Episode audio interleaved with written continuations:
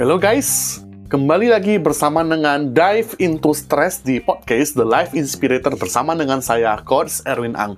Nah, teman-teman, hari ini kita akan membahas tentang techno-stress in digital era. Apa itu techno-stress?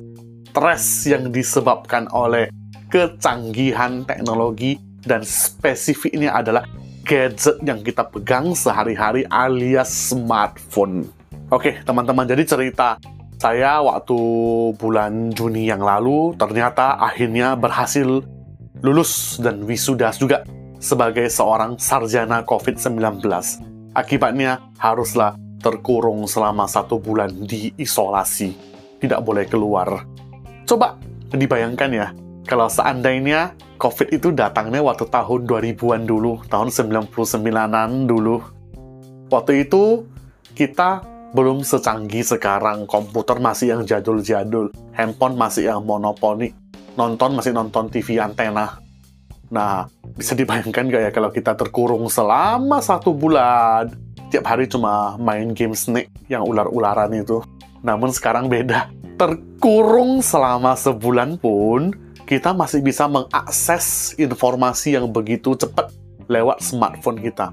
Namun, namun, namun, pada masa tersebut yang banyak kita serap, banyak kita akses itu malah berita-berita yang nggak bener, berita-berita hoax. Itu adalah salah satu pemicu stres juga di era digital ini. Terlalu banyak berita hoax. Nah, teman-teman, di dalam era digital yang sudah sangat serba canggih ini, pastinya ketergantungan kita terhadap teknologi juga sangat tinggi sekali. Yo, coba dibayangkan, bangun tidur apa yang dicari dulu? Smartphone-nya. Mau tidur, nonton apa? Smartphone-nya. Suami, istri, dan anak lagi makan di kafe, restoran, menunggu makanannya datang, masing-masing memencet smartphone masing-masing. Jadi, hening cipta. Katanya, smartphone bisa mendatangkan yang jauh dari dekat, malah nyatanya membuat yang dekat menjadi jauh. Banyak orang sekarang menjadi lebih stres karena sangat addicted dengan sosial media. Wah, tiap hari stalking si Anu, si Anu, si Anu. Si Anu lagi ngapain, mantan lagi ngapain, siapa kawin lagi, siapa cerai lagi. Pokoknya yang dilihat berita-berita gosip terus lama-lama semakin dilihat ya bawaannya makin stres jadinya. Jadi sebenarnya teknologi ini memberikan dampak positif nggak sih kepada kita? Pastinya iya, memberikan dampak positif, namun ada juga dampak negatifnya kalau kita tidak bisa memanage diri kita dengan baik.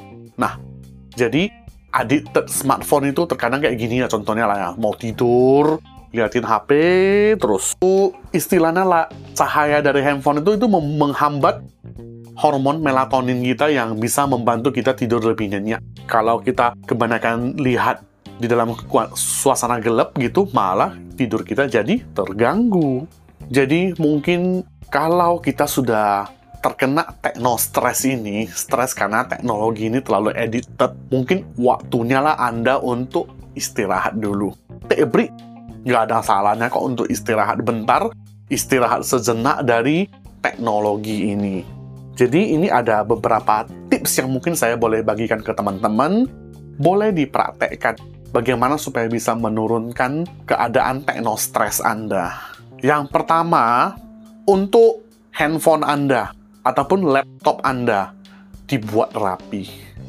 Masing-masing dikasih folder. Jangan dibiarkan berantakan semua. Anda kalau berantakan semua lihat handphone mau cari barang pun susah, eh malah stres lagi. Berikutnya, bila Anda terlalu banyak subscribe ke mail macam-macam, di unsubscribe dulu. Karena kan kita sering ya kalau kita udah subscribe ke satu email ya, tiap hari dikirimin tak apa aja lah email-email marketing itu, penawaran produk, macam-macam semua. Kedua, berikutnya, kalau Anda memiliki banyak sekali akun-akun sosial media, segala jenis merek, bagi yang jarang terpakai, di-delete saja.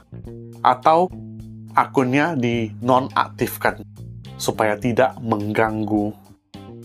Berikutnya, Anda juga janganlah terlalu banyak memfollow-follow orang-orang yang tidak jelas. Mungkin akun sosial media Anda boleh dibuat private supaya juga tidak terlalu banyak orang yang datang ke Anda. Karena terlalu banyak orang yang nggak jelas, eh malah sial-sial yang datang itu penipuan, nawari yang nggak bener, nawari manikin, malah bikin stres. Jadi kesimpulannya itu kita haruslah kurangi pemakaian gadget tersebut. Oke lah kalau memang untuk kebutuhan kerja, kebutuhan bisnis, kita sibuk memakainya, nggak apa-apa di saat Anda sudah pulang ke rumah, betul-betullah quality time dengan keluarga Anda. Itu handphone dijauh-jauhkan, jangan disentuh lagi. Untuk itu, Anda akan bisa mengontrol diri dengan jauh lebih baik lagi. Semoga bermanfaat, kita ketemu lagi di episode yang berikutnya. See ya!